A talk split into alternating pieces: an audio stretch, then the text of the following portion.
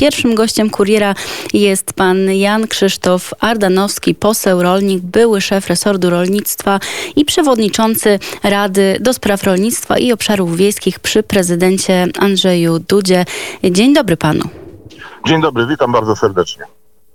Sejm uchwalił nowelizację ustawy o ochronie granicy państwowej. Jak pan uważa, czy te zapisy pomogą w, w walce z kryzysem migracyjnym na polsko-białoruskiej Oczywiście, granicy? oczywiście, że pomogą. No widzimy, że mamy z, z, bardzo skoordynowaną akcją ze strony służb ym, białoruskich. Łukaszenki pewnie w porozumieniu z Rosjanami, wszystko na to wskazuje, y, muszą być nadzwyczajne działania i ym, również skoro formuła stanu wyjątkowego się wyczerpuje, co prawda różne rozważania prawne były również, że można przerwać na chwilę stan wyjątkowy, na- nowo go wprowadzić na 90 dni, ale to taka trochę trochę sztuczne, więc ta ustawa dająca w dalszym ciągu możliwość ochrony granicy i nie, która dopuszcza również dziennikarzy, bo przecież cały czas o tym jest y, też y, spór z opozycją, twierdzą, że nie są poinformowani. Ja przepraszam bardzo, nie widzą co się dzieje, nie widzą tego, co się działo w, w Kuźnicy. Y, Zrewoltowanych, wściekłych, posługujących się coraz bardziej agresywnymi metodami wyposażanych przez Białorusinów młodych mężczyzn, czy tego nie widzą, co, co jeszcze chcą obserwować? Jakie jeszcze dane są potrzebne? Ale dobrze, no będą również i dziennikarze dopuszczeni y, po to, żeby jeszcze bardziej precyzyjnie informować o sytuacji na granicy. Natomiast nie może być w sytuacji takiej, że w, praktycznie w pasie gdzie, gdzie zagrożenie jest ogromne. Zagrożenie również dla ludzi, którzy tam przebywają.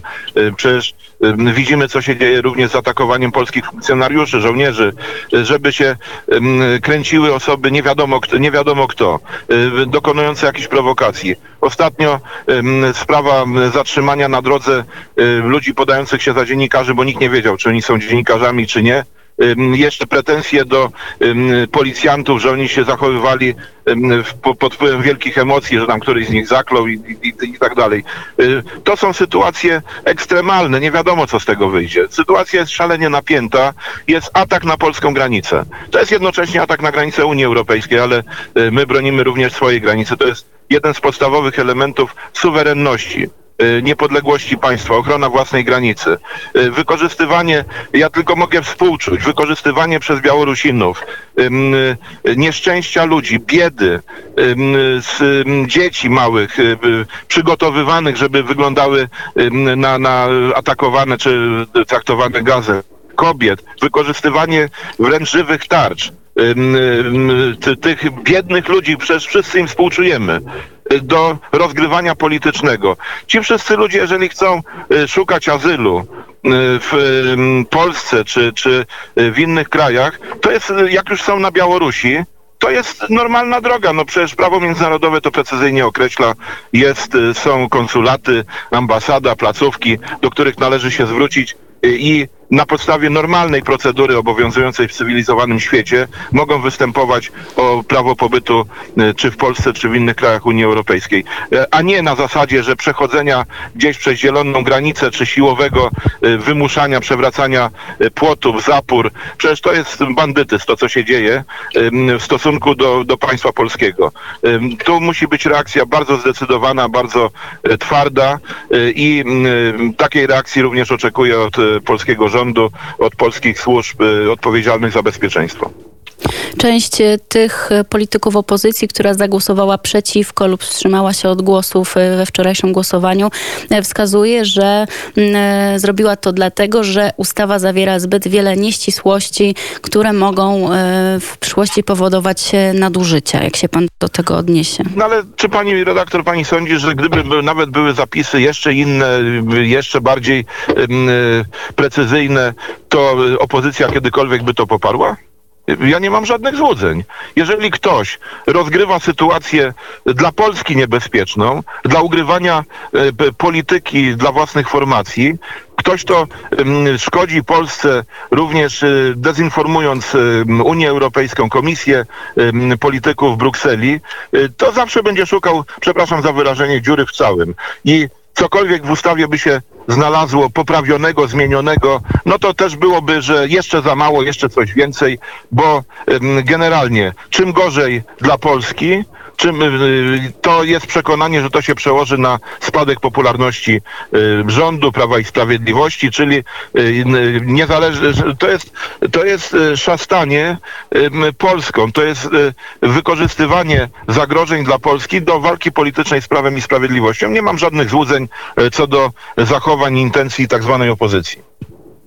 Jak e, według pana w takim razie zachowa się Senat? I- Izba Wyższa mm, ma najbliższe posiedzenie w przyszłym tygodniu, 24-25 listopada. Mm, Jeśli rozpatrzy nowelę ustawy o ochronie granicy, to regulacja wtedy ma szansę wejść w życie, zanim skończy się stan wyjątkowy.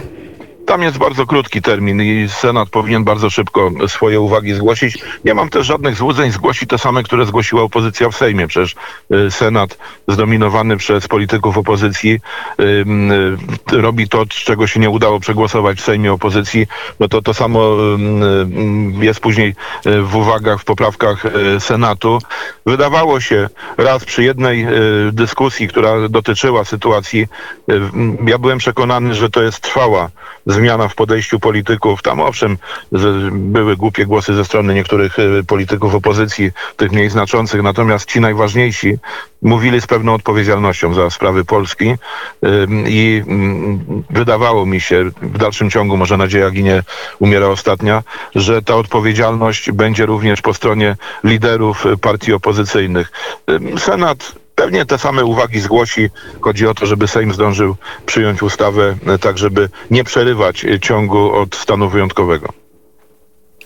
Zostańmy jeszcze na chwilę mm, w temacie kryzysu na granicy, ale dotknijmy tej sfery dyplomatycznej. W ostatnich dniach pojawiły się informacje o rozmowach e, między innymi Angeli Merkel z Łukaszenką, z Aleksandrem Łukaszenką. E, Jak pan ocenia to w kontekście tego, co się dzieje? Takie rozmowy bez e, udziału Polski, bez konsultacji, telefony, jak wiemy, dopiero później e, miały miejsce z mm, konsultacje jakiekolwiek z polską e, dyplomacją, e, rozmowy z nieuznawanym przecież przez większość zachodnich krajów przywódcą. To jest coś, co jest, no właśnie, w jaki sposób pan się do tego Bardzo odniesie? źle to oceniam, bardzo źle. Jest to łamanie pewnej solidarności y, europejskiej, a często my jesteśmy krytykowani, że nie jesteśmy solidarni. Y, to tu y, pani Merkel pokazała solidarność z jednym z krajów y, członkowskich Unii Europejskiej i NATO, to trzeba również bardzo mocno podkreślać, nie podejmując, sam, podejmując samodzielnie jakieś działania, nie informując Polski dopiero tam po czasie. Zresztą to jest dość charakterystyczne, kiedy Rosjanie zaatakowali Ukrainę, to też jakieś rozmowy tam były prowadzone z Putinem ponad Ukraińcami. To mnie bardzo źle się kojarzy. To mi się kojarzy, może to porównanie jest zbyt ostre, ale z tym, co się wydarzyło w, w Monachium w 1938 roku, dogadywanie się ponad Czechami, nie, info, nie interesowanie się faktyczną opinią poszczególnych krajów, tylko ci mocniejsi, im się wydaje, że mają prawo zajmować się e, z mniejszymi krajami, które co, są słabsze, głupsze, e, nie, młode demokracje. Jakie młode demokracje? O czym my tutaj mówimy? Dlatego e, wydaje mi się, że wszystkie rozwiązania, które dotyczą e, Polski, nie mogą się odbywać e, bez e, udziału przedstawicieli rządu polskiego. W sferze dyplomatycznej również te zarzuty, które były stawiane kiedyś przez opozycję, że trzeba umiędzynarodowić konflikt, tu cały czas o tym Frontexie, który nie ma funkcjonariuszy, nie ma ludzi, właściwie stanie Polsce pomóc. Przecież e, są zaangażowane w tej chwili siły e, na granicy kilkanaście tysięcy i żołnierzy, i straży granicznej, i policji. E, A Frontex co? Może paru dziesięciu ludzi ewentualnie przesłać, co oni powstrzymają tych migrantów. Natomiast w sferze dyplomatycznej przecież i Rada Bezpieczeństwa i działalność Krzysztofa Szczerskiego, ambasadora w Stanach Zjednoczonych przy ONZ-cie, również spotkania w Brukseli. Tak, sprawa stała się międzynarodowa. To, to jest jak najbardziej poprawny kierunek, ale żeby świat widział, czym grozi destabilizacja na granicy, co Łukaszenko pewnie ze swoim patronem z Kremla chce realizować, ale też nie, ma, nie miejmy żadnych złudzeń. To nie Unia Europejska, nie Frontex nas obroni. To muszą być własne siły i, i odporność naszego kraju. Musimy liczyć na siebie, to jest stare powiedzenie, które się nie Jak umiesz liczyć, to licz na siebie. Kryzys na granicy polsko-białoruskiej trochę zepchnął na bok inne tematy w ostatnim czasie, ale w ostatnim wywiadzie nowy minister rolnictwa Henryk Kowalczyk powiedział, że utworzenie polskiego holdingu spożywczego i upowszechnienie małego przetwórstwa pomoże zatrzymać zysk u rolników. Jak pan sądzi, czy polski holding spożywczy faktycznie w, przy, w najbliższym czasie uda się powołać? Nie wiem. E, ja jestem absolutnie przekonany, że on jest niezbędny. Prace prawnicze przygotowujące podstawy prawne zostały zakończone. Tu Ministerstwo Aktywów Państwowych bardzo odpowiedzialnie to przeprowadziło. Minister Śliwka, jeden z wiceministrów, któremu trzeba za to podziękować. E, natomiast e, blokowanie holdingu nie wiem do końca, czy przez ministra Pudę, y, bo on zaczyna teraz opowiadać o tym, że on był zwolennikiem holdingu, czy dostał zakaz y, tworzenia y, tej grupy spożywczej w oparciu o spółki państwowe. Fakt faktem, że holding powinien działać już od dawna, byłby skuteczny między innymi już w tym roku przy, na rynku owoców. Znowu jest dramat sadowników i jabłek przemysłowych, za które dominujące firmy zagraniczne w Polsce zaoferowały znowu jakieś śmieszne nie pokrywające kosztów ceny, ten holding powinien działać. Ja przyjmuję absolutnie za dobrą monetę to, co minister Kowalczyk zapowiedział, e, czyli e, utworzenie w ciągu sześciu miesięcy. To jest zresztą jakiś test e, jego deklaracji.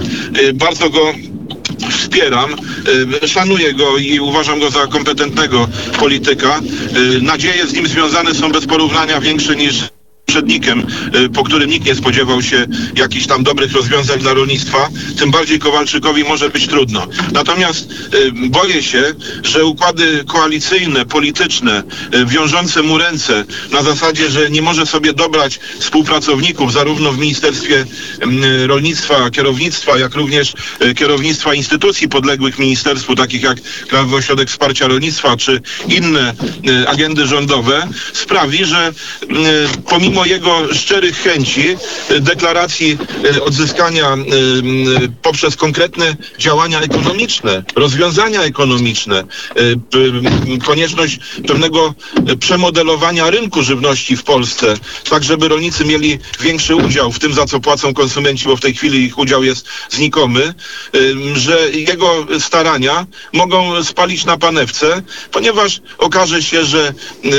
osoby z układu politycznego przypisane do ministerstwa czy do agent e, podległych ministerstwu będą próbowały e, prowadzić swoją grę, budować swoje, przepraszam e, za wyrażenie, państewka. I Kowalczyk może niedługo okazać się wielkim przegranym. Ja mu ufam. Jest, i będę go wspierał, bo szanuję go i jest człowiekiem doświadczonym, ale czy mu się uda nie tylko holding, ale jeszcze parę innych rozwiązań ekonomicznych wprowadzić, a Pan Bóg raczy wie wiedzieć. Środowiska rolnicze w najbliższym czasie zapowiadają kolejne protesty. Czy te, mówi Pan o tym, że ma Pan nadzieję, że Henrykowi Kowalczykowi uda się odbudować wiele, e, wiele obszarów e, dotyczących e, rolnictwa, ale czy uda się odbudować zaufanie wsi do rządu Prawa i Sprawiedliwości? To jest pytanie, na które ja nie mam odpowiedzi. Y, to zaufanie legło w gruzach y, y, po przepchnięciu w ogóle propozycji tak zwanej piątki dla zwierząt, która absolutnie doprowadziła do utraty zaufania polskiej wsi wobec Prawa i Sprawiedliwości. Szczęśliwie, to już ponad rok, ta ustawa zakończyła swój, swój byt. Prawo i Sprawiedliwość z tego co słyszę, nie będzie już tego e, podnosiło, ale ktoś, kto został w ten sposób potraktowany, by nie powiedzieć upokorzony jak wieś e, decyzją Prawa i Sprawiedliwości, bardzo trudno e, odzyskuje zaufanie. Oczekiwanie, że ktoś nadstawia drugi policzek, raz spoliczkowany e, czy sponiewierany, że szybko to zapomni, jest niepoważne. Tym bardziej Kowalczykowi jest trudno. Owszem, jest człowiekiem odważnym, bo on był również przeciwko piątce dla zwierząt, ale m, dużo się musi wydarzyć w sprawie bardzo konkretnych działań ekonomicznych, żeby rolnicy, e, przynajmniej część z nich e, starała się, czy zgodziła się uwierzyć na nowo Prawo Sprawiedliwości. Tu jest szalenie ważne również dobra współpraca z organizacjami rolniczymi, rozmawianie. To, czego nie było ze strony pana ministra Pudy, który notabene na obszarze jemu powierzonym nie znał się w ogóle, ale jednocześnie nie umiał rozmawiać z rolnikami. E, Życzę że Kowalczykowi, żeby on potrafił. E, Pan e, wielokrotnie podkreśla, że e, Zielony Ład jest zagrożeniem dla polskiego, nie tylko polskiego rolnictwa. Tymczasem Janusz Wojciechowski, komisarz unijny do spraw rolnictwa, który przecież wywodzi się z tego samego środowiska politycznego, co pan powiedział, że Polska nie musi się go obawiać i że polskie rolnictwo może stać się dzięki niemu bardziej konkurencyjne. Janusz Wojciechowski wywodzi się ze środowiska Polskiego Stronnictwa Ludowego. Ja chcę to, to mocno podkreślić. Potem jego e, polityczne e, e, jakieś zmiany doprowadziły, że jest w PiSie. Ja jestem w Prawie i Sprawiedliwości od 20 lat. Więc to nie jest to samo środowisko. Może w tej chwili byliśmy w tej samej, w tej samej partii. Natomiast ja mu się dziwię, ponieważ Niechęć rolników europejskich do Zielonego Ładu jest w tej chwili już y, czymś absolutnie oczywistym. Ludzie się tego obawiają. Projekt y, głębokich zmian w rolnictwie, który uderzy również mocno w konsumentów, bardzo podrożeje żywność, jeżeli ten Zielony Ład będzie wdrażany. Y, już w tej chwili mamy ogromne wzrosty y, kosztów y, y, po stronie żywności. Konsumenci to odczuwają. Zielony Ład, który ma ograniczać rolnictwo, po pierwsze zmusi Europę do importu żywności z innych y, kontynentów, głównie z Ameryki Południowej. Y, Niemcy na to grają, bo liczą na to, że sprzedadzą swoją technikę, swoje samochody, y, sprzęt gospodarstwa domowego, y, a zapłatą za to będzie żywność z tych krajów, które nic innego nie mają. Grupa Mercosur z Ameryki Południowej. Natomiast dla Polski to będzie absolutne uderzenie i to rolnicy to i w Polsce, zresztą w innych krajach Europy zapowiadają duże protesty w Brukseli, jest wielki, wielka manifestacja planowana y, i rolnicy ze wszystkich krajów europejskich są przeciwni Zielonemu Ładowi, a pan komisarz Wojciechowski mówi, że to nie jest projekt wymyślony przez europejską lewicę z panem Timmermansem na czele, tylko że to jest jego autorski projekt, że to on, e, e, to co dotyczy Zielonego Ładu w rolnictwie, czyli te strategie od pola do stołu i bioróżnorodności, że on jest autorem on jest dumny, że on takie propozycje składa. Dawno nie rozjechały się tak mocno opinie komisarza odpowiedzialnego za rolnictwo i rolników, ale również dane e, analizy, które w tej chwili są w coraz większej ilości dostępne i mm, Departamentu Rolnictwa Stanów Zjednoczonych, służb e, naukowych Komisji Europejskiej, Uniwersytetów Kolonii, również jest raport dostępny już polskich instytucji naukowych. One mówią właściwie to samo. Spadek produkcji żywności, wzrost kosztów, który odbije się na konsumentach, bankructwa gospodarstw. I, a tu się okazuje, że pan komisarz Wojciechowski z uporem maniaka twierdzi, że on ma rację, że to jest samo dobro, e, które będzie e, również korzystne dla rolników. No ja się dziwię, e, ale trudno, to jest walka o interesy Polski, polskich konsumentów, polskich rolników. Tu nie można ustępować Komisji Europejskiej. Trzeba również analizować, w jaki sposób ten Zielony Ład, ten walec, który ma przejść przez Europę, w Polsce wdrażać. Bardzo dziękuję e, za ten głos, za ten komentarz. Gościem Kuriera w samo południe był Jan Krzysztof Ardanowski, e, poseł Prawo i Sprawiedliwość, przewodniczący Rady do Spraw Rolnictwa i Obszarów Wiejskich. E, Bardzo dziękuję. Dziękuję bardzo pani redaktor. Pozdrawiam również wszystkich mojego ulubionego Radia Wnet, wszystkich słuchaczy. Szczęść Boże.